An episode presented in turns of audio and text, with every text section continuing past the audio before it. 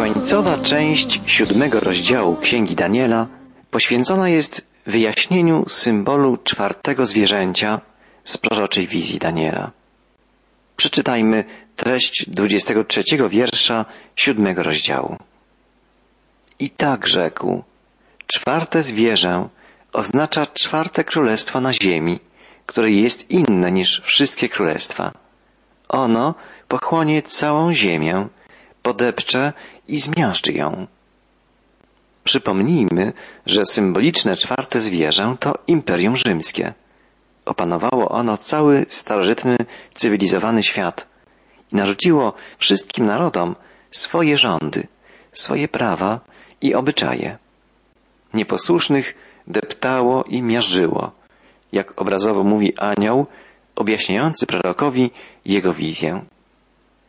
A dziesięć rogów znaczy, że z tego królestwa powstanie dziesięciu królów, a po nich powstanie inny. Ten będzie inny niż poprzedni i obali trzech królów. Dziesięć rogów wyrastających z głowy czwartego zwierzęcia to zapowiedź kontynuacji Imperium Rzymskiego. Jednak będzie to odrodzenie tego imperium w innej formie. Będzie to związek dziesięciu władców. Mówiliśmy już poprzednio, że zgodnie z objaśnieniem samego Jezusa, objaśnieniem zapisanym w Księdze Apokalipsy, ta wizja dotyczy czasów ostatecznych. Pan Jezus powiedział Janowi, a dziesięć rogów, które widziałeś, to dziesięciu królów, którzy jeszcze nie objęli królestwa, lecz obejmą władzę jako królowie na jedną godzinę wraz ze zwierzęciem. Te słowa usłyszał Jan na wyspie Patmos, gdzie zmartwychwstały Pan objawił mu przyszłe wydarzenia, wydarzenia końca czasu. Zarówno w wizji Daniela, jak i w objawieniu darowanym Janowi, zapisanym w Księdze Apokalipsy, dużą rolę odgrywa jedenasty mały róg, który wyrasta pomiędzy owymi dziesięcioma i przejmuje władzę. Staje się dyktatorem. Włada wszystkimi plemionami i ludami i językami i narodami, jak czytamy w Księdze Apokalipsy. Jest to obraz działania antychrysta, który pojawi się na arenie świata u kresu dziejów. Daniel tak opisuje jego panowanie. I będzie mówił zuchwałe słowa przeciwko Najwyższemu. Będzie męczył świętych Najwyższego. Będzie zamyślał odmienić czasy i prawo. I będą wydani w jego moc aż do czasu i dwóch czasów i pół czasu. Bardzo podobnie opisuje działanie Antychrysta Księga Objawienia. Czytamy tam i dano mu paszczę mówiącą rzeczy wyniosłe i bluźniercze. Dano mu też moc działania przez 42 miesiące. 42 miesiące to trzy i pół roku. Takie znaczenie ma więc określenie czas i dwa czasy i pół czasu. Słowo czas oznacza tu rok. Intensywna, wyniszczająca działalność antychrysta będzie trwała trzy i pół roku. Wielu biblistów uważa, że zapowiedzią tego czasu były wydarzenia związane z panowaniem Antiocha Epifanesa, uważanego za prototyp antychrysta, jako że Antioch uważał siebie za Boga. Zdobył on Jerozolimę i zbezcześcił świątynię, stawiając w niej pogański posąg Jupitera i składając ofiarę ze świni.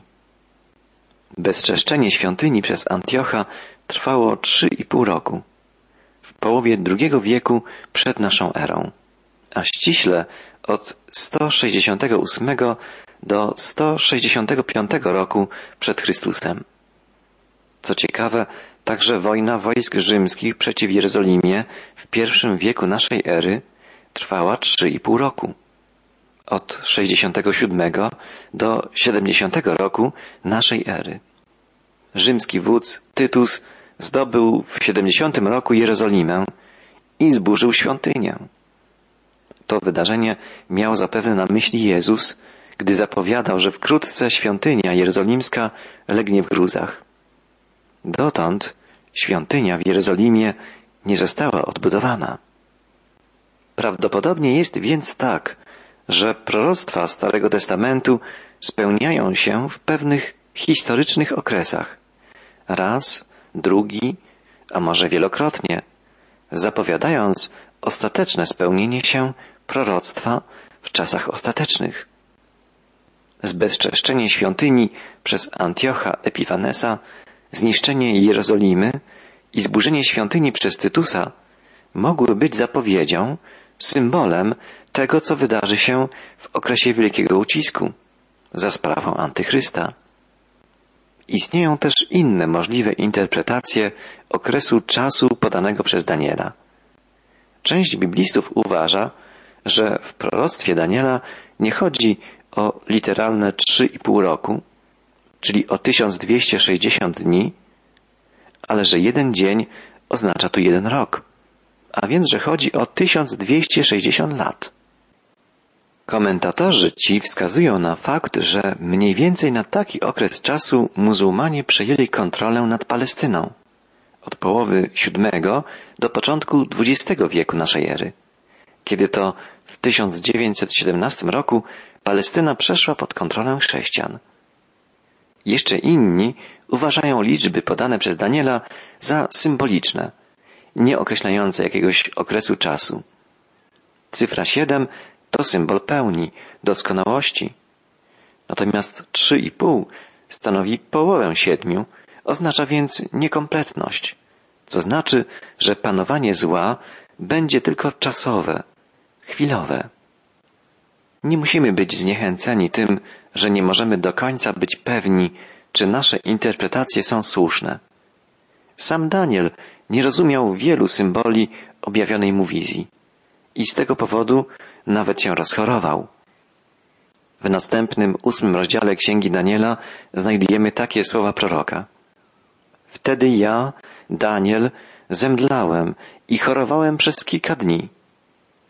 Nie chodzi o to, by być w stu procentach pewnym swojej interpretacji proroctw Starego Testamentu. Chodzi o zrozumienie głównych prawd i o to, by Boże ostrzeżenie pobudzało nas do czujności i do przemiany, do duchowego wzrostu.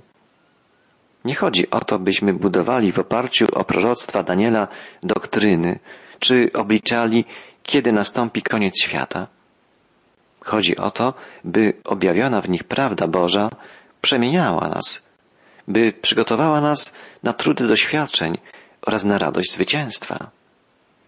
Dla wielu z nas trudnym do zrozumienia problemem może być fakt, iż Bóg pozwala szatanowi działać na świecie, że antychryst będzie przez jakiś czas działał zuchwale, a święci Najwyższego będą wydani w jego moc na pewien czas, jak zapowiada prorok Daniel, a także księga Apokalipsy.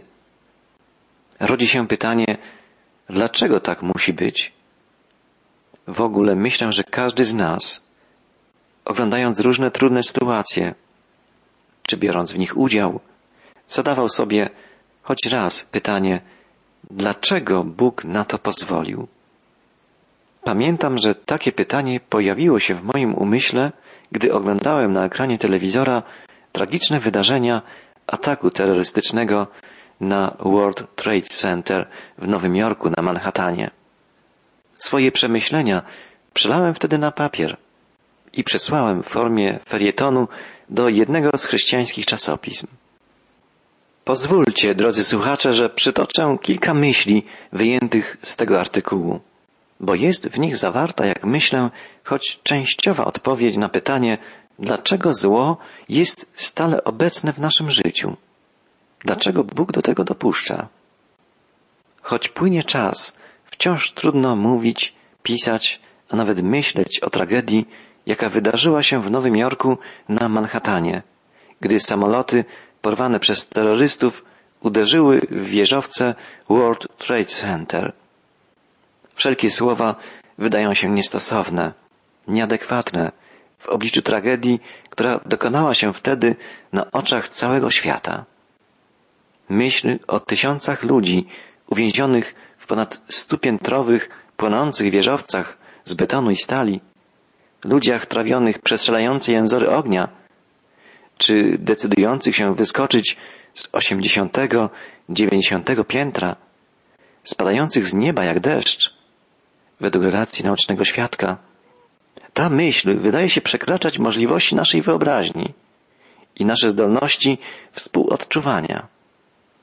Jeszcze bardziej porażająca dla mnie osobiście jest myśl o tych, którzy nie zginęli natychmiast, lecz przywaleni gruzem, poranieni złomem, konali w długich męczarniach, może godzinami, może całymi dniami, w pełni świadomi, że nadchodzi koniec, osamotnieni, zdruzgotani, czekali na pomoc, a potem już tylko na śmierć. Zapewne byli wśród nich ludzie stawiający sobie pytanie, dlaczego Bóg na to pozwolił? Takie pytanie pojawiło się w prasie w pierwszych dniach po nowojorskiej tragedii. Gazeta Wyborcza wypisała je wielką czcionką nad zdjęciami ukazującymi zrozpaczonych ludzi poszukujących swoich bliskich w dymiących jeszcze zgliszczach. Przerażone bezprecedensowym atakiem terrorystycznym media krzyczały wielkimi tytułami wojna, apokalipsa, Armagedon.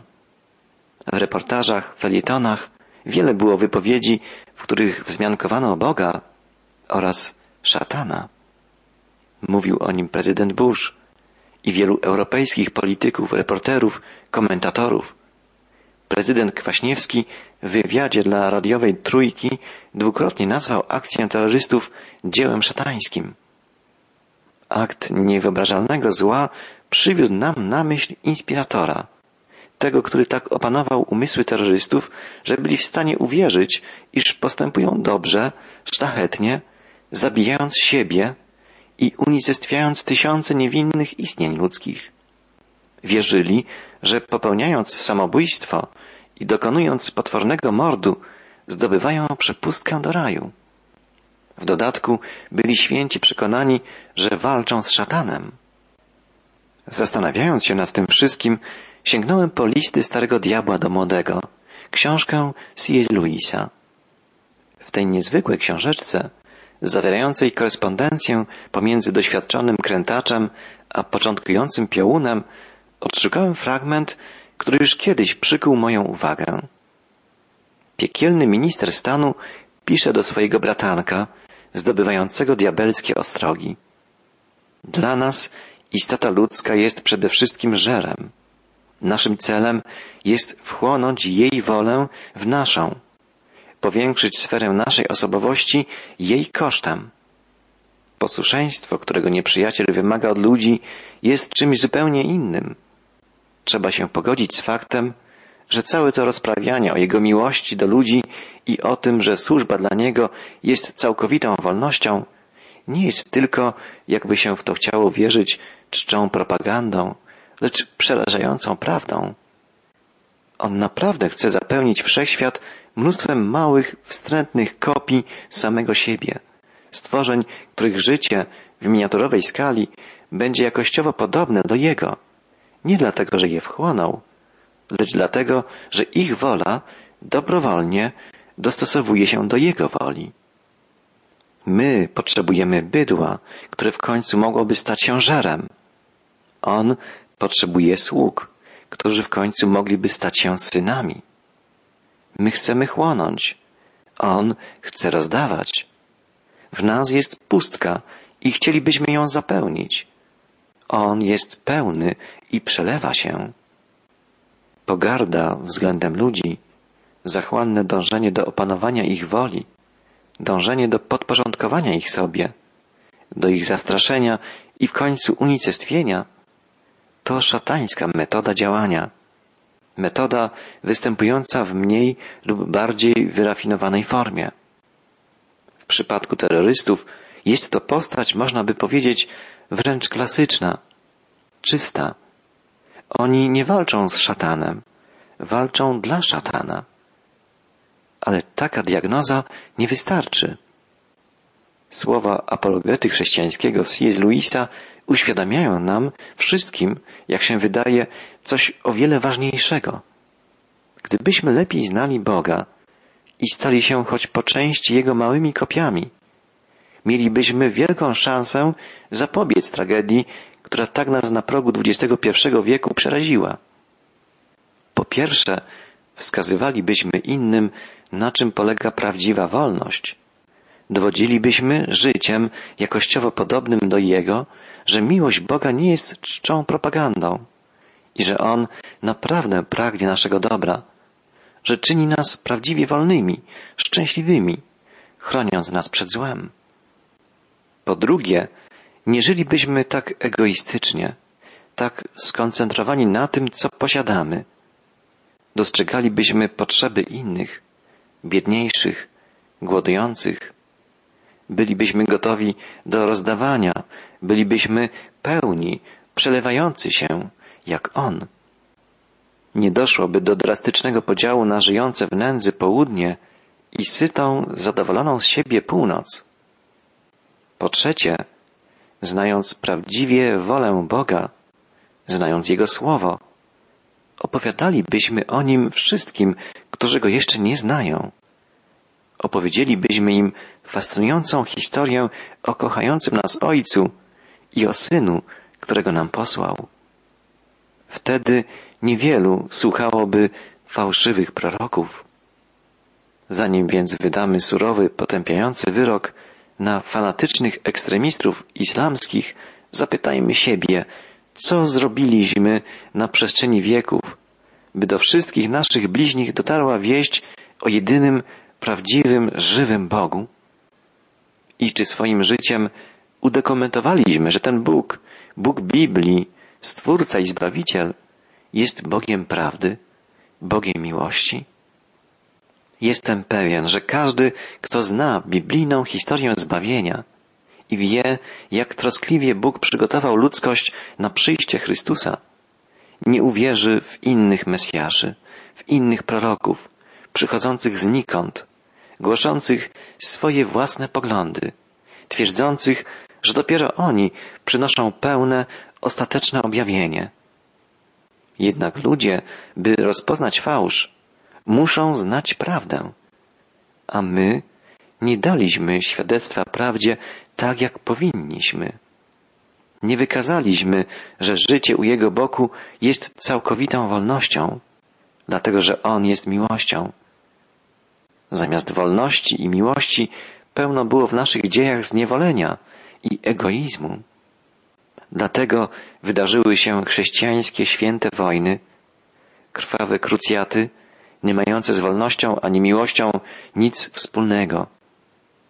Dlatego wydarzyła się w sercu chrześcijańskiej Europy tragedia Holokaustu, bo nie dość pokochaliśmy biblijny naród wybrany, lud pierwszego przymierza. Jeszcze raz zacytuję C.S. Louisa, który we wstępie do swoich listów wspomina jedno z najwybitniejszych dzieł literatury światowej, Fausta Goethego i dokonuje odkrycia, że to nie Mefistofeles, ale właśnie Faust jest postacią bardzo satanopodobną, dlatego że, zwróćmy uwagę, to on manifestuje bezwzględne, czujne, pozbawione uśmiechu koncentrowanie się na samym sobie, co jest znamieniem piekła. Koncentrowanie się na sobie, egoizm, to plaga dzisiejszego społeczeństwa dobrobytu. Egoizm odmienia się na materializm, ateizm, egzystencjalizm, postmodernizm i wiele innych izmów deformujących prawdę, zabijających miłość. Czy jesteśmy tego świadomi? I czy chcemy temu przeciwdziałać? Czy w ogóle jest to możliwe? Wierzę, że tak. Nie będzie to łatwa droga. Ale przecież znamy Bożą prawdę, znamy Bożą miłość. Miłość zawsze usuwa egoizm, a prawda demaskuje zakłamanie. Pomyślmy o tym, co wydarzyło się na przestrzeni wieków z niewolnictwem. Pierwsi chrześcijanie nie znieśli niewolnictwa, nie wystąpili przeciwko niemu, bo to doprowadziłoby do krwawej rewolucji najprawdopodobniej do masakry kilkudziesięciu milionów bezbronnych niewolników. ale poprzez stulecia, całe tysiąclecia moralnego oddziaływania chrześcijaństwa, niewolnictwo stopniowo ograniczano, rugowano i ostatecznie zniesiono. Podobna, trudna i długa droga otwiera się przed nami, gdy chcemy podjąć walkę z terroryzmem, a także z egoizmem, z materializmem, z zachłanną konsumpcją, z niewrażliwością na potrzeby innych. Na początku drogi zaś, zamiast pytać, dlaczego Bóg na to pozwolił, zadajmy sobie pytanie, dlaczego do tego dopuściliśmy? A może jeszcze inaczej, dlaczego do tego doprowadziliśmy? I pokutując, okażmy posłuszeństwo Bogu. Posłuszeństwo, które rodzi nie niewolników, lecz synów. Pełni wiary, kroczmy wreszcie wytrwale, cierpliwie, śladami Chrystusa. Myślę, drogi słuchaczu, że to jest jedyna droga przezwyciężenia zła. Biblia poucza nas wyraźnie, zło dobrem zwyciężaj. Nienawiść może pokonać tylko miłość, a fałsz może być wyparty tylko przez prawdę, przez Bożą, absolutną prawdę. Opisane w proroctwach Daniela cechy antychrysta wyraźnie ukazują dwie jego cechy. Że jest on przeciwnikiem Chrystusa, że czyni wszystko, by przeciwdziałać prawdzie i miłości Bożej, i po drugie, że jest imitatorem, podrabiaczem, fałszerzem prawdziwych dzieł Bożych. Podszywa się pod Boże dzieła, udaje dobro, czyni cuda, by zwieść jak najwięcej ludzi, by odciągnąć ich od Chrystusa. Udaje owieczkę, podczas gdy jest krwiożerczym wilkiem w owczej skórze. Możemy przeciwstawić się Jego działaniom tylko wtedy, gdy znamy prawdę, gdy znamy Jezusa, który mówi Ja jestem prawdą i gdy pozwalamy, by działał w nas Duch Chrystusowy, Duch Prawdy, Duch Święty. A gdy znamy prawdę Bożą, znamy też Bożą miłość, bo prawdą jest to, iż On jest miłością.